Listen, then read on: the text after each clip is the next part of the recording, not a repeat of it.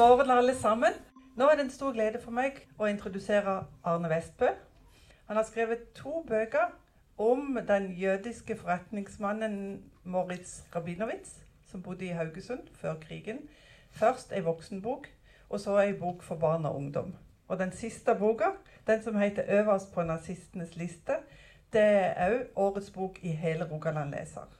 Så akkurat nå så deler vi ut denne boka gratis i hele Rogaland via alle bibliotek. Men nå er det Arne sin tur. Vær så god. Tusen takk.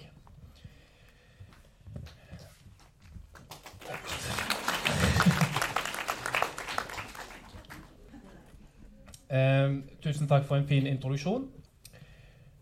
Dette foredraget har jeg en variant av dette har jeg holdt ganske mange ganger. Og hver gang, uansett om eh, jeg, jeg har holdt det for eh, femteklasser, altså folk som er ti år, og her er det stort sett et voksent eh, publikum, um, men jeg begynner alltid på samme måte. Og det er med å si at hvis det er én ting man skal huske når man går ut fra denne lille timen vi skal ha sammen nå, hvis det er én ting man skal huske, så er det bildet av den eh, lille gutten. Så er det kanskje noen som har bladd litt i boka, og som allerede vet hvem det er, eller uh, vet det fordi de har hørt meg før, eller har lest uh, noe annet om det. Jeg sier ikke så mye mer om det nå, men jeg kommer tilbake igjen til det på slutten, så skjønner man hvorfor det er akkurat det jeg sier. Men hvis det er én ting man skal huske, så er det også bildet av, av, den lille gutten. For det er ikke han. Så mye kan jeg si allerede nå. Eh, det er jo da forsida på den nye forsida som har kommet på eh, den boka som jeg er så heldig har blitt valgt ut til årets Hele Rogaland leser. Og jeg er ikke mer eh, mindre mer, mindre beskjeden enn at jeg skjønner at det ikke handler om eh, meg i, i, så stor grad. Det handler om Moritz Rabinowitz, som er det bildet av det. Eh, han ble født i 1887, og så ble han drept i 1942.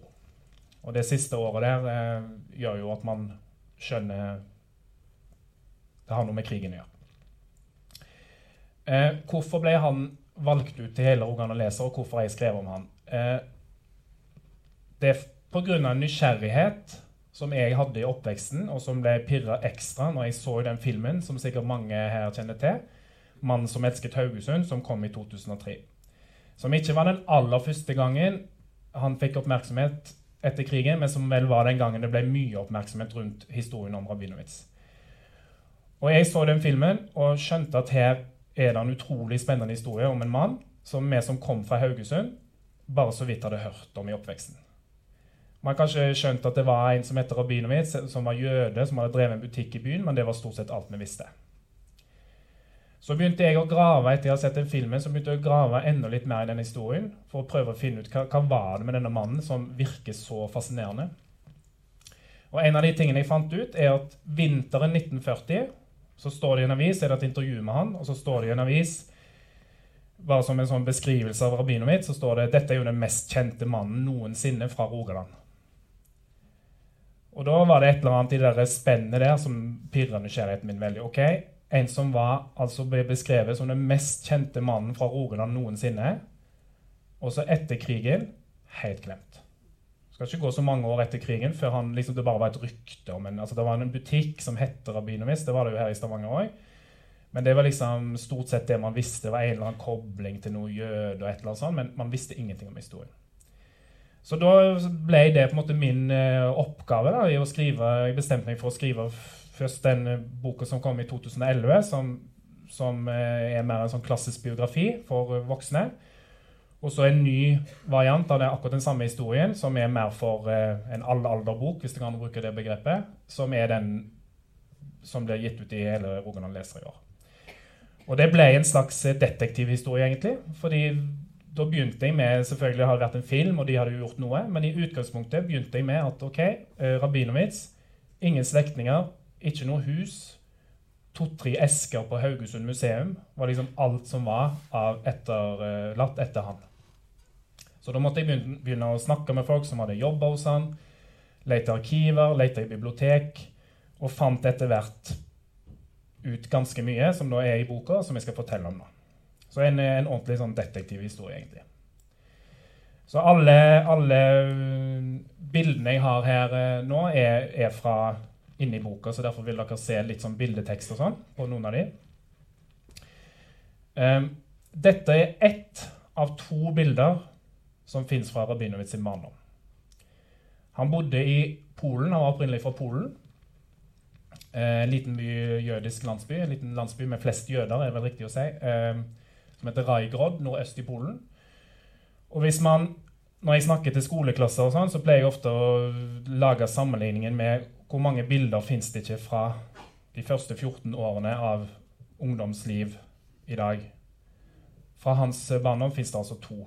Og ingen av dette er ett av de, ingen av de viser han. Eh, men det viser det huset som han er vokst opp i. Det er det store huset til venstre der.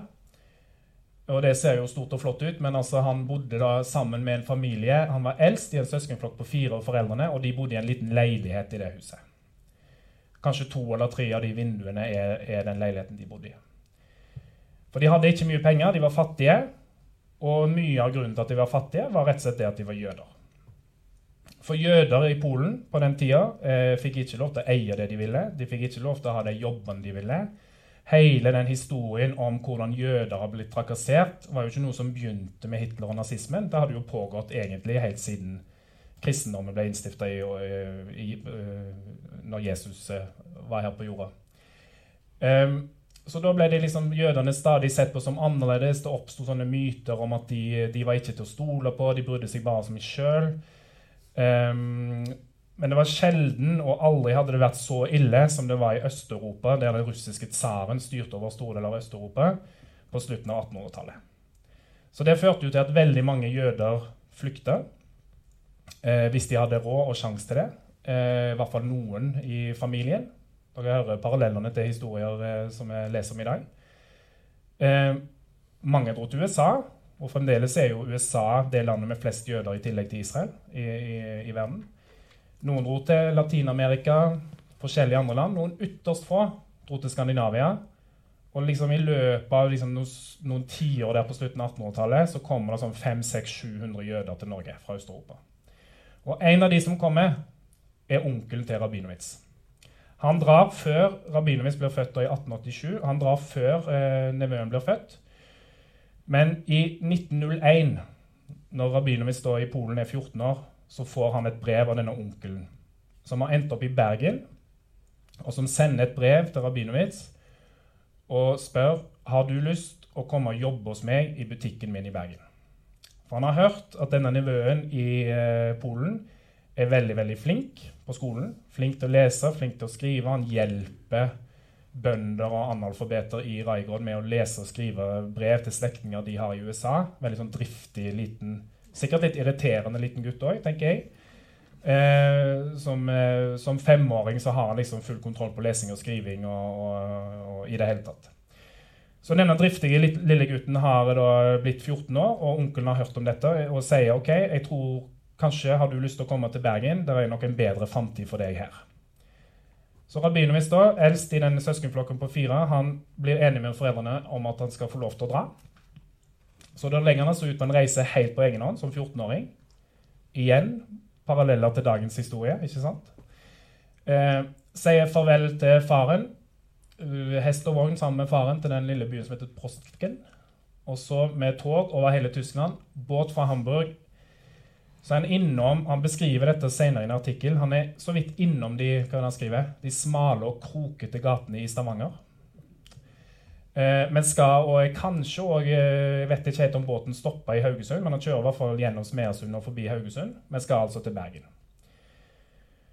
Og før da uten språk eh, han, har, altså, han, har ikke, han, har, jo språk, men han snakker ikke norsk. Eh, han har ikke møtt denne onkelen før. Han kommer helt alene. Men begynner å jobbe for onkelen i butikken. Um, først med å levere varer rundt omkring på dørene, som man jo gjorde på den tida. Uh, det var jo ikke så mye veier, og folk hadde ikke biler, og sånn, så det var mye mer vanlig at uh, man uh, leverte varer på dørene. Så lærer han seg norsk, får etter hvert mer ansvar i butikken, blir jo eldre.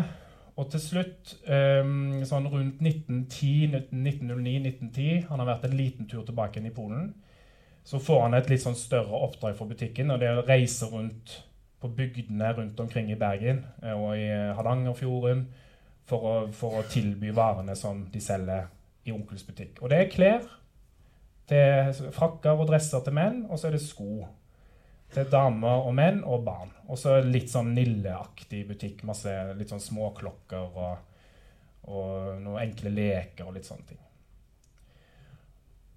Så det syns han jo er gøy. Men en dag så kom han da i 1911. 11. februar 1911. Så kom han til den byen som det er bilde av her. Og nå er, det ganske, nå er vi jo på en kino, så nå er det jo faktisk ganske god oppløsning her på bildet. Så jeg tipper at eh, noen klarer å se hva som er på bunnen av den båten der. Og det er sild. Og selv om sild selvfølgelig var en viktig del i Stavanger òg, så er det jo ikke Stavanger som er den ordentlige sildabyen. Det er Haugesund, som dere selvfølgelig vet. Og dette er jo et helt fantastisk bilde, som jeg også fant liksom ei uke før den første boka jeg fortalte om skouttrykket. For det er altså ja, Tør jeg dette? Nei, jeg får ikke den pilen til Nei. Men eh, dere ser det står en mann der og holder opp en eh, frakk eller noe sånt. Det er altså Rabinowitz. Eh, og så står han da foran ja, seks, sju, åtte fiskere fra Bømlo. For det var det Rabinowitz gjorde. Dette er nok ikke fra den første dagen, det er liksom fra et par år senere, men ganske tidlig i Rabinowitz sin historie om Haugesund. Men det han gjør når han kommer i februar 1911, det er at han, han eh, setter opp eh, en liten bod på kaien i Haugesund og begynner å selge varene sine. Men så står ikke han bare i ro der. Han var en sånn driftig, uh, utadvendt, veldig pågående type. Så han begynte å gå om bord i båtene som lå tett i tett i tett på, i Smeasund i Haugesund. Og begynne å vise fram hva han har til salgs. Kom inn til meg der inne, så kan du få prøve denne. Eh, har ikke du nettopp tjent litt penger på sildefiske? Du, kan, eh, du kan kjøpe ei lita skjorte, ny skjorte hos meg. Og veldig sånn pågående, pågående, type. Og i Haugesund så hadde man ikke sett den type forretningsmenn før. Husk at Haugesund i 1840 så bodde det 40 stykker i Haugesund. Da bodde folk i nordfylket da, bodde stort sett på Torvastad, Avaldsnes, på Karmøy. Altså på de liksom gamle, gamle stedene på Karmøy. I 1911 så bodde det 10 000 mennesker i Haugesund. Altså denne Veksten fra 40 til 10 000 på 70 år er en av de sterkeste befolkningseksplosjonene vi har sett i Norges historie noen gang. Og Det var jo pga. silda. Og de økonomiske forholdene, selvfølgelig, men først og fremst silda som begynte å trekke inn i de områdene. Så fant man ut at dette strandstedet Haugesund var et veldig sånn, fint sted å søke ly når man ikke da var ute på sjøen for å fange fisk. Og da etter Først kom fiskerne, men så kom de jo med familiene sine. Og man trengte skoler, man trengte butikker, man trengte etter hvert et rådhus. Man bygde ei kirke. Og man fikk etter hvert noen butikker. Men det Rabinowitz så når han kom, var at en sånn type butikk, som liksom tilbyr moderne sko, importerte fra utlandet, frakker og dresser, det hadde de ikke ennå. Så han skjønte umiddelbart at her, her er det et marked for meg. Og Dette var i 1911, så han var blitt eh, 24 år, eller ble 24 år den høsten. Og bestemmer seg for oss, eller gir beskjed til onkelen om at nei, nå vil jeg begynne for meg sjøl. Og det er umiddelbart en kjempesuksess. Eh, for ikke bare eh, Altså, han ser at det er et marked der, men han bestemmer seg for å kjøre på med reklame. Og finner liksom, har jo lært, som Bergen er jo en større by, han har vært, allerede vært en del i utlandet og lært seg markedsføringstriks og måter å drive butikk på. Så han finner mange sånne nye, spennende måter å lokke folk til butikken på. Og dette er en annonse fra Haugesunds Avis, der han er den første i Haugesund noen gang som inviterer til en mannekengoppvisning. Altså en mote, moteoppvisning. Og da inviterer han altså folk til å komme, så det står eh, nederst der 'Hele byen og Karmøyen' er klokken fem i morgen ettermiddag invitert. Eller da er de utenfor Rabinowitz. Og da leier han ikke inn modeller og sånn. Han får de ansatte til å kle seg opp i de moderne klær og sko. Og så bygger han en slags catwalk utenfor butikken. Og så, så sier han at ja, dette må dere komme og se på. Og i dag er vi jo på en måte vant med det. sant? Dette er jo sånn som de gjør på kjøpesentrene og sånn i dag. Men for over 100 år siden så var jo det noe helt nytt. Så han inviterer folk til å komme, og det kommer liksom nærmere 1000 mennesker for å se på. Og Noen av de lokker han jo da inn i butikken, eh, eller får de til å komme inn i butikken, og han yter de veldig god service. Og i det hele tatt så, så er det liksom måter han klarer å liksom skape noen stamkunder på. da. Og så, som vi skal snakke litt om senere, så typisk mitt, så når han da har fått så mye folk til å komme der, så, så roper han plutselig ut at nå skal han holde en tale. Så da holder han en tale i en halvtime om europeisk politikk. Jeg skal snakke litt mer om den rollen hans senere, men Se for deg den forretningsmannen som ville gjort det i dag. Utafor Kubus på Kvadrat, eller eh, hvor man kunne tenke seg at det var. Eh, og så er det en annen ting som er viktig å fortelle. Eh, og det at eh, Rabinowitz fikk ganske fort et rykte på seg for at han var, han var veldig snill. Han var en sånn ordentlig humanist. Og det ryktet gikk spesielt eh, blant de i byen som kanskje ikke hadde så mye penger, eller som, eh, som, eh, ja, som sleit litt med å få endene til å møtes. Det var mange mange historier som liksom kom opp, både med de som lagde filmen, og som jeg fant etter hvert når jeg snakka med folk, og sånne småhistorier som viser hvordan han tok vare på sine medmennesker. En historie for eksempel, er om en sjømann som, som kom innom butikken når Rabinowitz sto i kassen sjøl. Og så sier sjømannen at han ikke har hyre, altså han har ikke jobb eh, akkurat nå, men han trenger, trenger en ny eh, dress. Altså Om det var en sånn hverdagsdress som han gikk i på den tida, eller om han skulle i en konfirmasjon, eller hva han skulle, det vet jeg ikke. Men han treng, trengte en ny dress. Han måtte, måtte ha den. da. Som man da kunne forhandle det på kriter, altså på kreditt. De hadde jo ikke kredittkort på den tida, men man kunne jo skrive opp sant, det man, eh, det man skyldte. Så sier Rabinowitz at ja, det er greit, det kan han få lov til. Så får han en av de andre som jobber der, til å hjelpe denne mannen med det. Eh, mannen kommer ned igjen til kassen der Rabinowitz står, og, og Rabinowitz skriver ned alt mannen har eh, kjøpt, eller vil kjøpe, og liksom får en sum til slutt. Men så ser han opp på mannen som fremdeles står der, og så tar han opp eh, den lappen og så bare river han den i to. Og så sier han vi glemmer det. Du skal få disse klærne av meg på én betingelse, og det er at neste gang når du har penger og trenger nye klær, så kommer du tilbake igjen til meg da. Så nå har vi en avtale. Du får dette nå, men neste gang så kommer du her når du òg trenger nye ting. Så det var selvfølgelig en måte for han å skape en lojalitet på.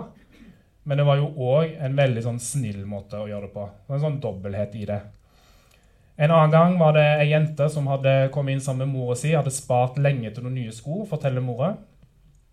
Eh, Rabbinet mitt ser på dem og sier at ja, men er det sånn at dere ikke har egentlig nok penger til disse skoene. Nei, ja, men hun hadde spart. Ja, men hvis hun hadde spart sjøl, og hadde vist en så, liksom, at hun så, hadde så lyst på de nye skoene, hadde klart å, å spare over lengre tid, så skulle hun heller få de, og så kunne hun heller bruke de skoene på noe annet som familien trengte. Mange mange sånne små historier som viste at han var liksom et ordentlig medmenneske som tenkte på hvordan kan folk få det best mulig. Og jeg tenker jo at det er helt sikkert en kobling der til hans egen hans egen historie som fattig i Polen. Men nå begynte jo han sjøl å bli en ordentlig eh, vellykka forretningsmann. Og, nå, og, her kommer vi jo da til det som skjedde. Sant? For det, Han etablerte seg i Haugesund. Men eh, dette er jo mye av grunnen til at, eh, til, at, til at, jeg har skrevet bøkene, til at den er valgt ut til hele Rogaland å lese, og til at historien av Winovitz er så utrolig fascinerende. For han ekspanderte jo veldig som forretningsmann. I 1926 så starta han sin andre butikk her i Stavanger. I Kirkegata 28, der som Synsam ligger nå, rett nedenfor Sting.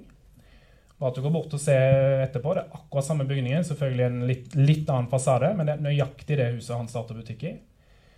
Egersund, Kristiansand, Sauda,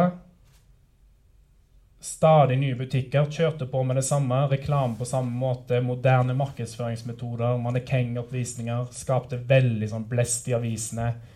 Holdt foredrag innimellom. Klarte liksom å skape veldig sånn interesse rundt, rundt sine, ja, sine, butikker og sine prosjekter.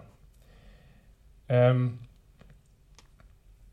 og høydepunktet i karrieren var når han fikk bygd denne fabrikken i Haugesund. Det bygget fins òg i dag.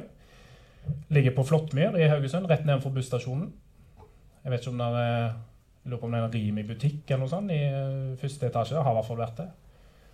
Kondor-bygget. For det han fant ut når han hadde så mange butikker, så fant han ut at ok, men istedenfor å kjøpe inn varer fra andre steder, enten i Norge eller i utlandet, så trenger jo byen altså Han var veldig sånn forretningsmann som tenkte selvfølgelig på sin, sin egen eh, business, men òg på byen og hvordan han kunne bidra til byen, til Haugesund.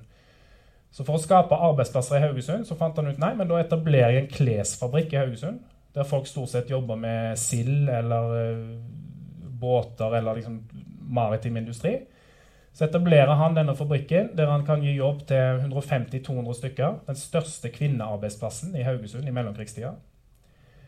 Eh, der de da forsyner alle disse butikkene, spesielt med frakker og dresser til menn. Det var jo mye det som var liksom innenfor klær, så var det det han holdt på med. Eh, så lager han et sånt system. Hvis du er her i Stavanger for eksempel, og går inn og prøver en dress, eh, og så ser du at den, den passer ikke helt, så kan du også få sydd det på mål det minner om sånn som du kan gjøre du, hvis du er i Thailand. eller sånn i dag. Så kan du få sydd det på mål, og så kommer det med båten fra Haugesund innen 24 timer. Han hadde et sånt system der folk kunne bestille klær. og hvis, når I Egersund så tok det 36 timer, tror jeg. Og i Kristiansand der lurer jeg på om han var oppe i 72 timer. eller noe sånt. Jeg tror ikke han tørte å liksom huske at det var, det var stort sett båter eller treige veier man forholdt seg til på den tida. Um, så det var liksom det absolutte høydepunktet i karrieren. var når han kunne ha den fabrikken. Der fikk han også bestillinger på å lage politiuniformer til politiet i Haugesund. Uh, uniformer til bussjåførene. altså Det er sånne oppdrag da, utenom. Så brukte han jo selvfølgelig da mye penger. altså det, Den fabrikken der var tipp topp moderne, og han brukte liksom sine egne penger på det og, og, og hadde jo tjent seg opp såpass mye. Men han likte jo òg etter hvert å bruke litt av den nye rikdommen sin på seg sjøl. Han var definitivt ikke den rikeste i Haugesund, og disse skipsrederne hadde veldig veldig mye mer penger enn han. Men han ja, kommer litt tilbake til det. Kanskje litt fordi han var jøde. Sant? Denne rykten om jødene som ble så rike. Men òg litt fordi jeg vet ikke, han hadde vært fattig. Han likte kanskje å vise litt at nå, nå hadde han fått penger mellom hendene, han òg. Så han begynte å bruke litt penger på seg sjøl. Og en av de tingene han gjorde, det var at han var en av de første i Haugesund som kjøpte seg bil. Dette er ikke den første han hadde, men, eh, men eh, den andre eller tredje bilen han bytter de ganske ofte. Chevrolet, der står han sammen med kona si. Så ser man han har fått rabbinet mitt skrevet i vinduet. Og så den løven, det var hans logo. Det var han veldig veldig tidlig ute. Men det å liksom lage en logo som folk skulle forbinde med hans, hans butikk og hans fabrikk. Så den løven brukte han nesten liksom i alle sammenhenger. I dag er vi jo vant til det. sant? McDonald's og Hennes Alle har jo en logo. Det var ikke alle som hadde det på den tida. Han fikk til og med lagd en løve framme på panseret der. Så ser dere stikke opp en sånn ståldings. Jeg tror ikke den er der da, for da ville den vært større. Men der fikk han lagd en løve av aluminium som han fester på framme på panseret på bilen. Han hadde en stokk med sånn gullforgylt uh, kule på toppen. og i det hele tatt. Men det som er litt spesielt med den bilen, var at han kunne kjøre sjøl, men han skaffa seg altså en privatsjåfør. Og disse privatsjåførene er jo noen av de mest spennende kildene som eh, de, de, har jeg dessverre ikke fått snakke med sjøl, men de som lagde filmen, og det var et radiointervju som jeg fikk tilgang på, det er råteipen på, de forteller utrolig mange historier om Rabinovic og hvordan det var å jobbe med han. Han var veldig streng, men òg veldig snill og rettferdig. Så det han gjorde når han da fikk ansatt denne privatsjåføren, var f.eks. at eh, sjåføren måtte inngå en kontrakt eh, der det står sånn 15-16 punkter. Og et av punktene er at eh, hvis sjåføren noensinne har planer om å gifte seg, så må han snakke med Rabinovitz først. For da, jo, da skjønte Rabinovitz at hvis det ble noen sånn familie og sånn involvert, da var det ikke sikkert det var så veldig lett å jobbe med eh, Selv om dette var jo andre tider, så han ville liksom ha tilgang på denne sjåføren hver eneste dag. For Kjøre over fjellet til Oslo for eksempel, hvis han skulle på ei forretningsmesse. eller sånne ting, det, det, trengte han denne sjåføren til. Men han betalte bra, og han eh, lot sjåførene bo på hoteller og i det hele tatt. Uh, en annen ting var at uh, han brukte da sjåføren som jeg sa, veldig mye. Så hvis han Butikken hans lå i Strandgata i Haugesund. 50 meter lenger nede så lå Haugesund Sparebank. Hvis han da skulle i et møte i banken, så gikk ikke han de 50 meterne ned.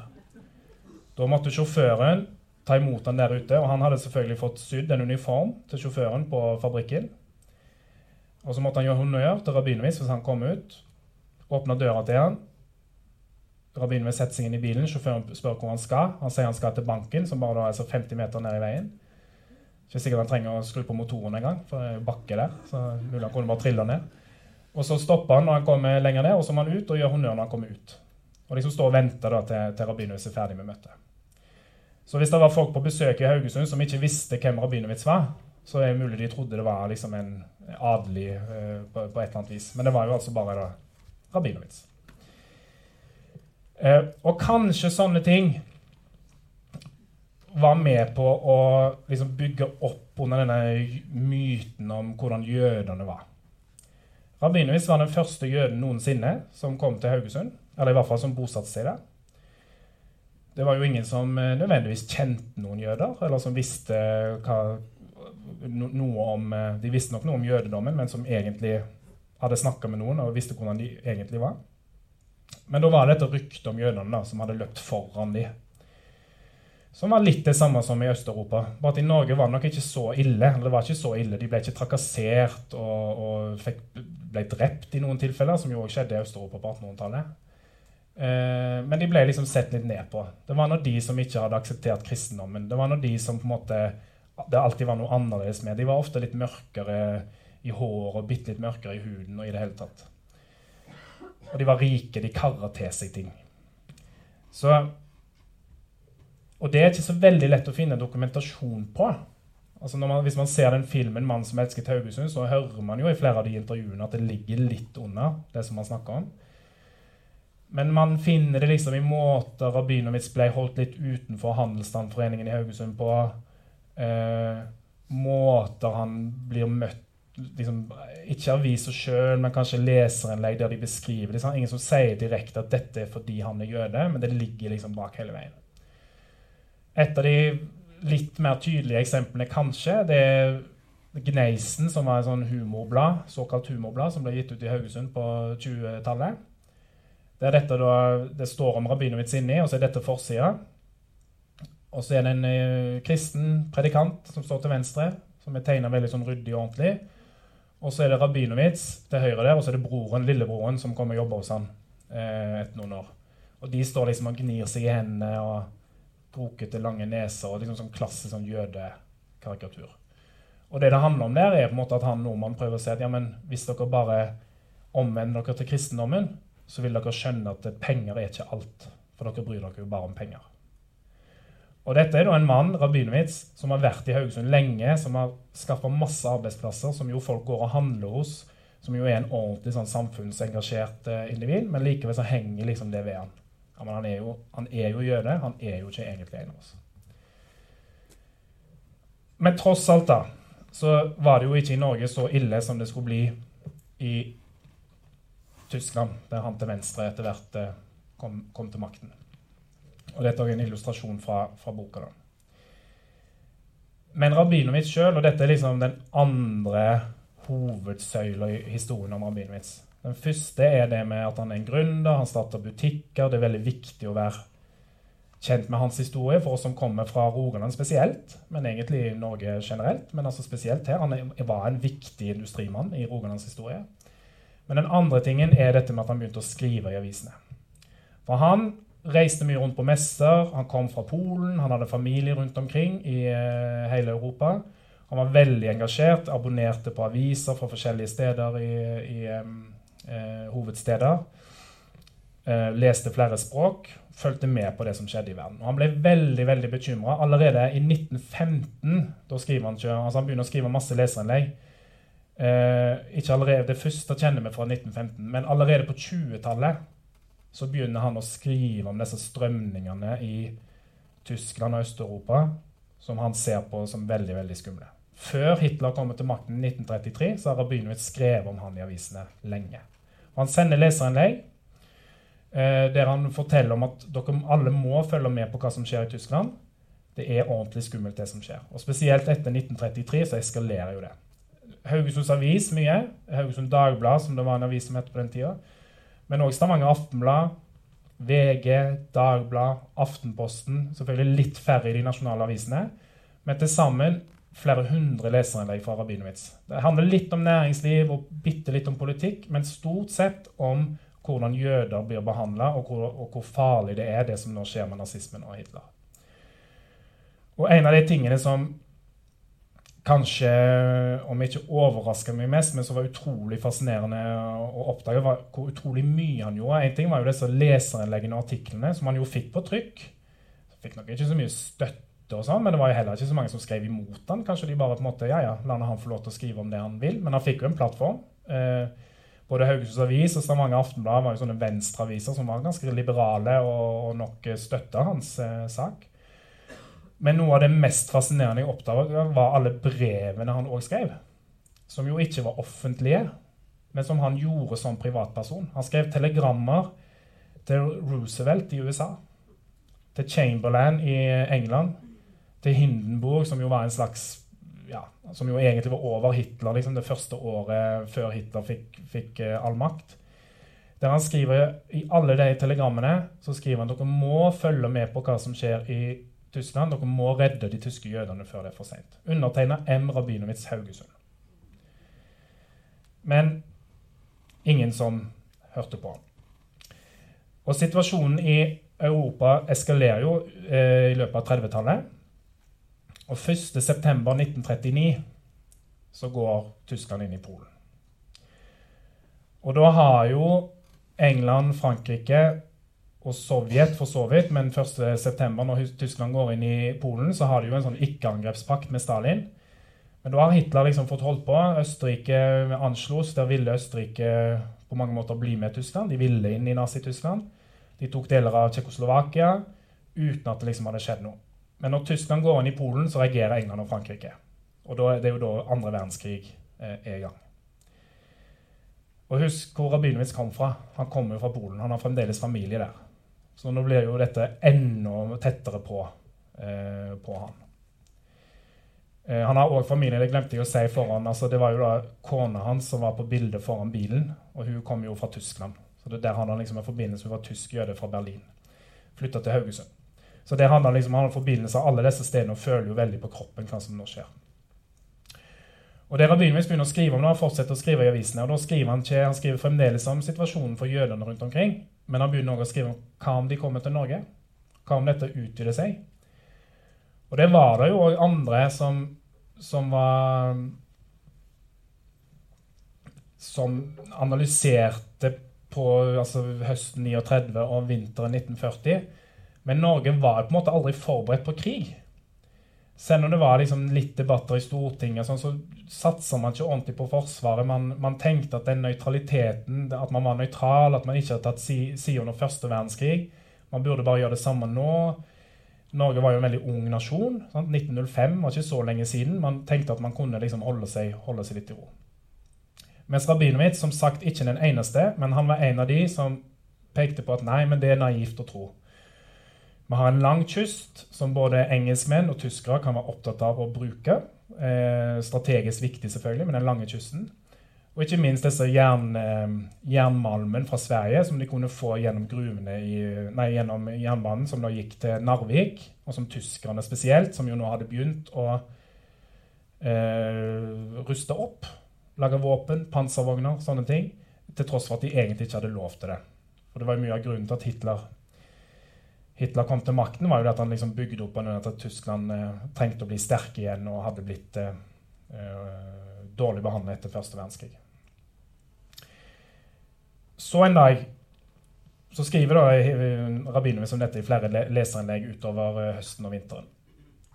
Og så en dag i begynnelsen av april 1940 så går Rabinowitz rundt i gatene i Haugesund og så ser han en liten tropp som har en øvelse. For altså noe, noe mobilisering var det jo. Eh, og da har det liksom skjedd ting eh, i Jøssingfjorden og sånt. Det skjedde masse ting i løpet av vinteren 1940 som gjorde at man fremdeles trodde kanskje ikke helt at det ble krig i Norge, men man skjønte at eh, ting var på gang. Så går Rabinowitz rundt i gatene i Haugesund, ser denne troppen, som han syns er kjempebra, at det jo faktisk er noen som mobiliserer, og stiller seg opp for å liksom prøve å vise sin, sin støtte til denne troppen med soldater. Men så ser han at det er noen andre haugesundere som også stiller seg opp der, og som bare står og ler av disse soldatene. Som nettopp har den der holdningen om at eh, ja, det, jo, det, kommer ikke til å bli krig i Norge. Det er ikke noen grunn til å, å gjøre noe ut av det. Og disse soldatene, Det var ikke noe særlig penger gitt til Forsvaret, så soldatene hadde ja, kanskje fått slitte uniformer, dårlige våpen. altså De så, så litt latterlige ut da, hvis man hadde lyst til å innta den holdningen til dem. Eh, og Da blir rabbineren så sint på sine felles bysbarn at han går opp Han hadde fått seg leilighet på toppen av den eh, fabrikkbygningen. På toppen der med flott eh, utsikt over hele, hele Haugesund. Så går han opp der og hamrer ned dette leseranlegget på avisa. Som, han, som han sender til avisa. Eh, 'Respekt for soldaten', skriver han. Eh, og så midt på der alle voksne mennesker bør forstå at det ikke er av ren moro soldatene er innkalt til militærøvelser. Han er kjempesint på at det kan stå folk der og bare le av de, de som for han jo faktisk er villige til å forsvare landet. Så ser dere det er nå gjengitt i boka, hele det leserinnlegget. Så ser dere datoen nederst der. 6.4.1940. Det var da han skrev det. Og Så sender han det inn til Haugesunds Avis, og så går det et par dager, og så kommer det på trykk. Og historiens ironi vil ha det til å være 9.4.1940. Så Det aller siste leserinnlegget Rabinowitz har på trykk, det aller siste av mange mange hundre, står altså på trykk 9.4.1940 i Haugesunds Avis, og er akkurat det innlegget der. Det er ganske utrolig. Men da har Rabinowitz Så da kommer tyskerne sant? 9. april. De kommer hertil 9. april, og så kommer de til Haugesund 10. april. Men allerede om morgenen 9. april så har Rabinowitz lagt på flukt. For han vet at han har havna, og det er jo det som er tittelen både på foredraget og boka her, han vet at han har havna øverst på nazistenes liste over folk de vil ha tak i når de kommer til Norge. Ikke først og fremst fordi han er jøde, men pga. alt dette han har skrevet om Hitler og nazismen. Så har tyske nazister da åpenbart hatt kontakt med nazister i Norge Eh, altså Nasjonal Samling, Quisling Dere kjenner jo til uh, flere av disse her. Jeg tror nok ikke når jeg skriver litt i boka om at det var nok ikke akkurat det miljøet som hadde kontakt med tyskerne her. Det var en som heter Michael Sulten, men det trenger jeg ikke gå inn på nå. Men uansett, de har hatt kontakt, og han får da hjelp av sjåføren sin og har fått hjelp av motstandsfolk i Haugesund til å legge en uh, plan for å flykte. Så om morgenen 9.4.1940 så drar han, drar han uh, fra Haugesund og innover i retning ja, Vindafjord og innover mot Sauda. Og En av de tingene jeg da oppdager i min detektivhistorie, som de som har klart å lese billedteksten der, kanskje uh, har skjønt litt av, var at når jeg da holdt på med denne boka, som jo begynner å bli noen år siden Si at dette var sånn i 2009-2010. Um, ehm, så nevner jeg dette for oldefaren min, nei, min farfar, som ble født i 1911.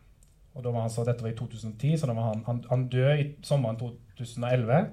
Unnskyld, Han ble født i 1912, død sommeren 2011, så han var 99 år.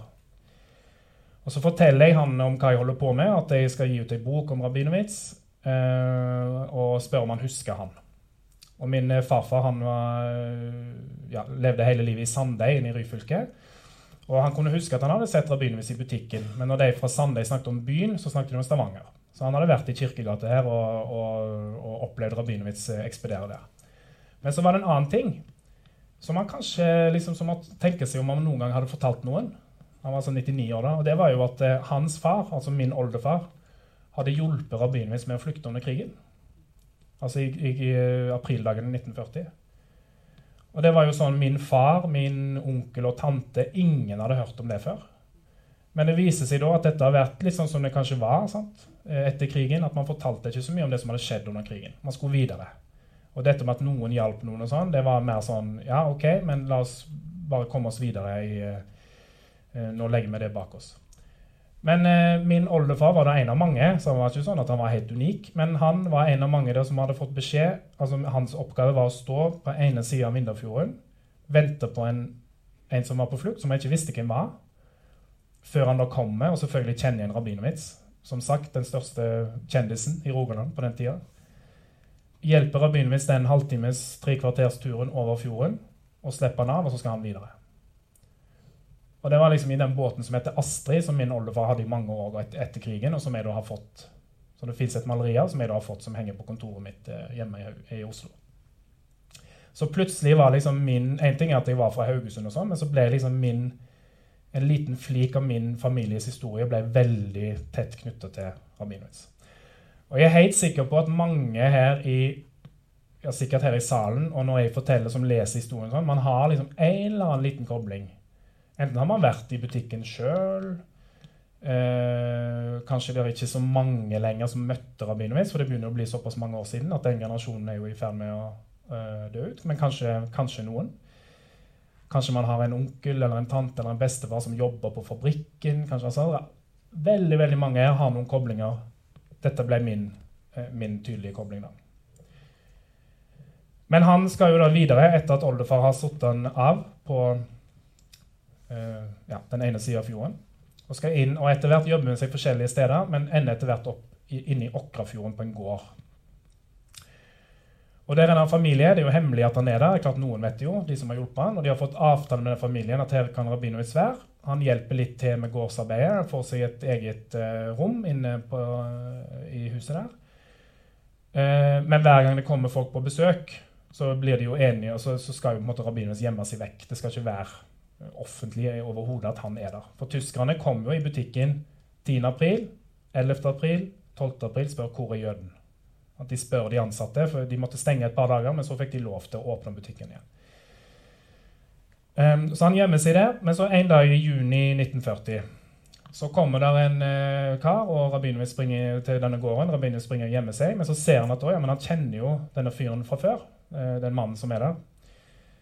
Og går da ut igjen, gir seg til kjenne, og han mannen er overrasket over å se Rabin investere, om det var en kamerat av sjåføren eller en som jobber der, et, et eller sånt, en eller annen forbindelse.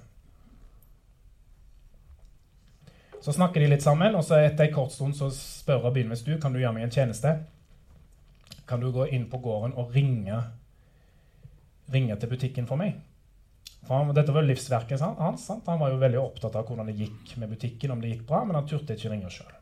Så det sa mannen at ja, det kunne han gjøre.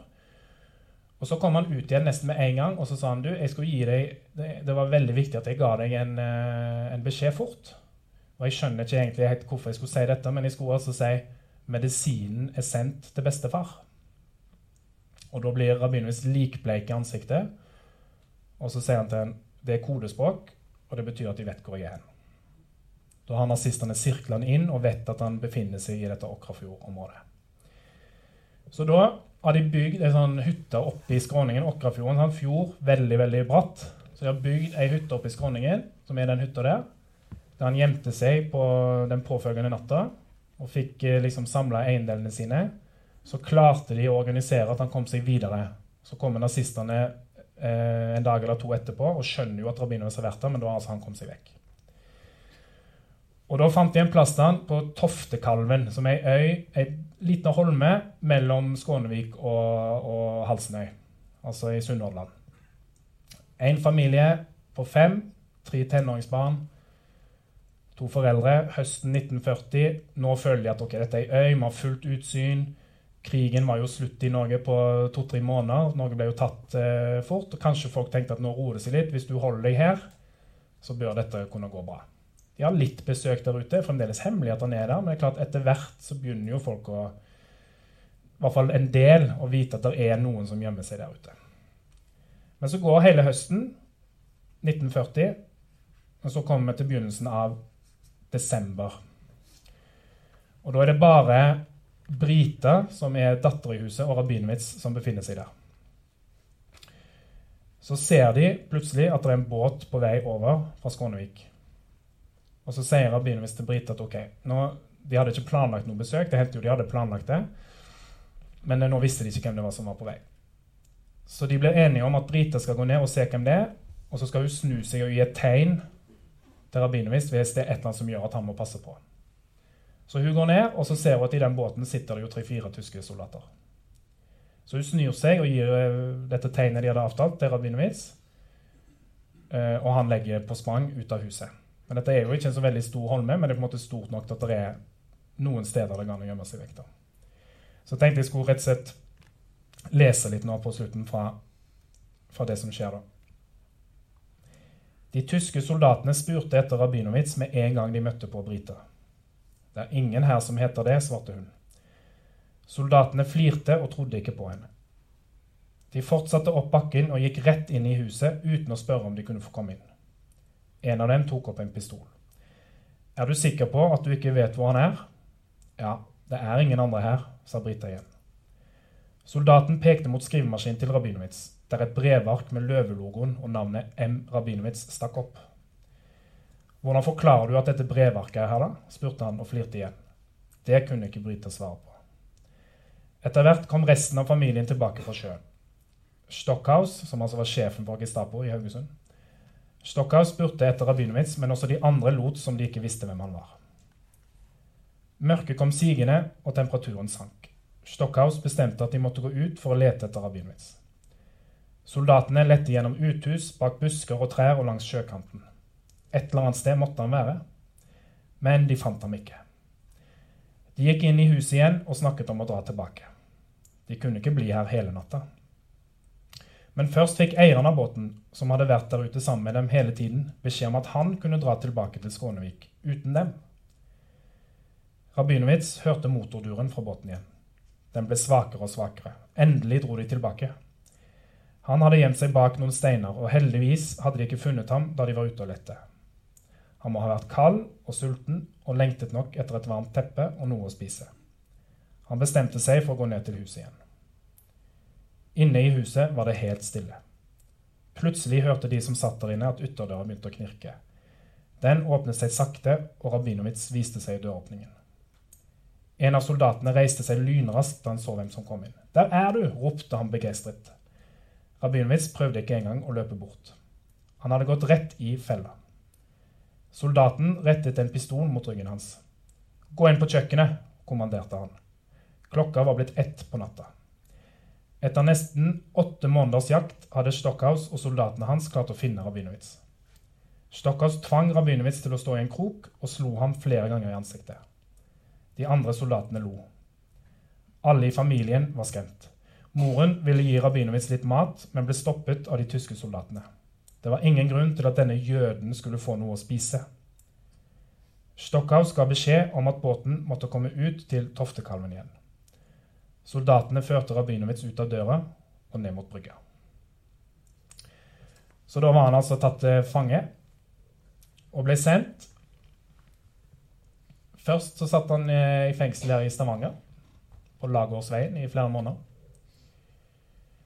Så så vidt innom Bergen med nattoget over til Oslo, der han satt i Møllergata 19, altså på Youngstorget, fengselet i Oslo. Og så sommeren 1941 så blir han sendt med båt til Tyskland. Og dette er jo før noen har hørt noe om, og egentlig før de har satt i gang med denne, liksom, hva de skulle gjøre med jødene, som vi kommer litt tilbake til nå snart. Men Rabinovits skjønner at på vei til Tyskland så skjønner han at ok, nå er han noen og 50 år, jeg kommer neppe tilbake til Norge.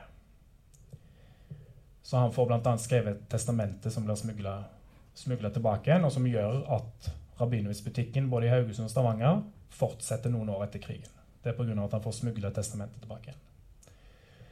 Men så blir han eh, så er ulike fengsler i Tyskland før han da ender opp her i Sachsenhausen. Nord for Berlin, der tyskerne samla i stor grad de som var politiske fiender. Der satt det kommunister, lærere, prester, folk som på ulik måte eh, hadde motarbeida naziregimet. Mer eller mindre direkte. Og noen jøder, da. Så hvis du i tillegg til dette, sånn som Rabinovits da, sant, hadde skrevet mye Husk det, det var først og fremst fordi han hadde skrevet per nå at han var, var tatt. Men hvis du i tillegg var jøde, så hadde de noen egne jødebrakker i Sachsenhausen. Der de stua inn ekstra mye folk. Der de fikk ekstra dårlig mat. Og de ble satt til å gjøre det tyngste arbeidet. For dette var en konsentrasjonsleir, en arbeidsleir, der folk skulle jobbe for nazismen. Stor, stor kontrast i Rabinovits sitt liv var at han da ble satt til å jobbe i det som de kalte for klinkerverk. som var De skulle utvinne og lage murstein som Hitler skulle bruke i byggingen av sitt store Germania. som Berlin. Han skulle døpe om Berlin til Germania og trengte masse masse materialer for å bygge store, monumentale bygg. Han var vant til å jobbe med myke myke stoffer i sin butikk. Og så ender han opp i Sachsenhausen med å jobbe med murstein. Så det orker jo ikke han særlig lenge. Og i begynnelsen av februar 1942, midten av februar 1942 så får han beskjed om altså, at de må jobbe 12-14-16 timer, får nesten ikke mat, blir piska og slått. Så får han egentlig beskjed om at du trenger ikke komme på arbeid mer, men da kan vi heller ikke ta ansvar for deg. Så det som da skjer, er jo at han bare blir gående rundt som en sånn de kalte for moselmann, altså en sånn eh, skygge av seg sjøl rundt i leiren. Og en dag, og vi vet nøyaktig tidspunktet, 27.2.1942 klokka kvart over tolv på formiddagen. For tyskerne, nazistene, var jo ekstremt nøye med å dokumentere arbeidskraften sin. Da blir Rabinowitz drept. Dødsattesten er inni boka her. Der, står det at han dør av lungebetennelse. For de lagde jo litt sånne eh, andre forklaringer på ting. Men vi har et vitne på at han altså blir blir kommandert til å prøve å reise seg opp. Han går jo rundt og krokete og klarer jo ikke å orientere seg egentlig hvor han er. Men klarer ikke å reise seg opp, og da går han mannen, tyske soldaten som kommanderte det, går bort og slår han knallhardt under hjertet her, og så synker han sammen. Og så er han rett og slett drept. Så da endte hans liv fascinerende, inspirerende og dramatiske liv på en så brutal måte i Saksnavsen Og så, helt til slutt så lovte jeg jo at jeg skulle komme tilbake til det bildet. Og det skaper på en måte broen til, til oss. Eller gjør ja, gir det enda mer sammenheng. Jeg vet ikke. Poenget er i hvert fall at det er ikke Rabinowitz. Det er barnebarnet til Rabinowitz. Lille Harry, som ble født i november 1940. Rabinowitz og kona foran bilen eh, fikk ei datter, Edith, som var født i Haugesund i 1918. Hun traff etter hvert en eh, annen jødisk mann som kom som flyktning fra Østerrike på slutten av 30-tallet, som heter Hans Reichwald. De fikk sønnen Harry i november 1940. Og sannsynligvis Husk at Rabinowitz ble tatt til fange i desember 1940. Sannsynligvis så har Rabinowitz møtt barnebarnet sitt én gang. Som et hemmelig besøk ut på Toftekallen. Men så er det jo bare det at etter altså Rabinowitz ble jo da drept i Sachsenhausen i februar 1942. Omtrent samtidig Noen har kanskje hørt under Wannsee-konferansen, som var i januar 1942. Blir jo på mange måter sett på som det avgjørende møtet der nazistene bestemmer seg for hva de skal gjøre med de europeiske jødene. Har de diskutert i lang tid. Skal vi samle de arbeidsledere. Skal vi sende de til Madagaskar? Det var jo en plan de jobba mye med. Skal vi samle alle europeiske jøder på Madagaskar? Men så bygger det seg opp sånn, denne tanken om at ja, vi bare blir kvitt dem. Og da er ikke metaforisk eller noensinne. helt bokstavelig talt. Vi dreper de alle sammen. Og da var det jo ikke forskjell på en bestefar på 55 eller et barn på to. For han, eh, foreldrene var jøder, han var jøde og nordmann. Så høsten 1942 har turen kommet til Norge. Først blir eh, norske jødiske menn samla, men så etter hvert jødiske kvinner og jødiske barn. Harry, to og et halvt år. Eller to år, november 1942. Eh, Blir sendt, da er de i Forsand, holder seg der, for der er svigerfamilien til Edith. Så de er hos eh, farmoren og farfar. Som ennå ikke da har blitt tatt, men det begynner å skje ting. Sendes til Oslo, videre med båt. Settes på tog. Så kommer Harry og mora kommer i den andre transporten, ikke den mest kjente i november 1942 med Donau, men det er en ny transport i februar 1943 for banalt nok så rekker ikke Stavanger-jødene Det rekker ikke eh, Donau i slutten av november 1942. Så blir, mange av de blir sendt til Bredtvet fengsel og sitter der vinteren 1943. Men 1.3.1943 så kommer altså Harry og mora til Auschwitz. De arbeidsføre, stort sett menn, mellom 15 og 50, sendes i én retning. De kan jobbe. Resten rett inn i gasskammeret barnebarnet til Rabinowitz, én av seks millioner jøder som ble drept under andre verdenskrig. Haugesunder, nordmann og en liten gutt. Og det er jo på en måte det grusomste man kan tenke oss. Altså Egentlig så er det jo han som skulle stått her og fortalt denne historien. Født i 1940. Han hadde ikke vært mer enn 77 år nå. Han kunne helt fint ha stått her sikkert og fortalt denne historien. Det begynner med retorikken. Det begynner med måten vi snakker om folk på. Og Jeg tror ikke jeg trenger å si så mye til dere som sitter her i dag, om at det er noen koblinger til dagens samfunn, både i Norge og i USA og andre steder. Det begynte med måten man snakka med jødene på. Det endte opp med, i det tilfellet, at han ble drept i Auschwitz. Så da, husk historien om Rabinowitz. Les mer enn gjerne boka, men eh, spre historien. Det er en ekstremt viktig del av vår felles historie, ikke minst oss fra Rogaland, og for så vidt Norge for øvrig. Men det eneste, altså, husk bildet av Harry. Takk for meg.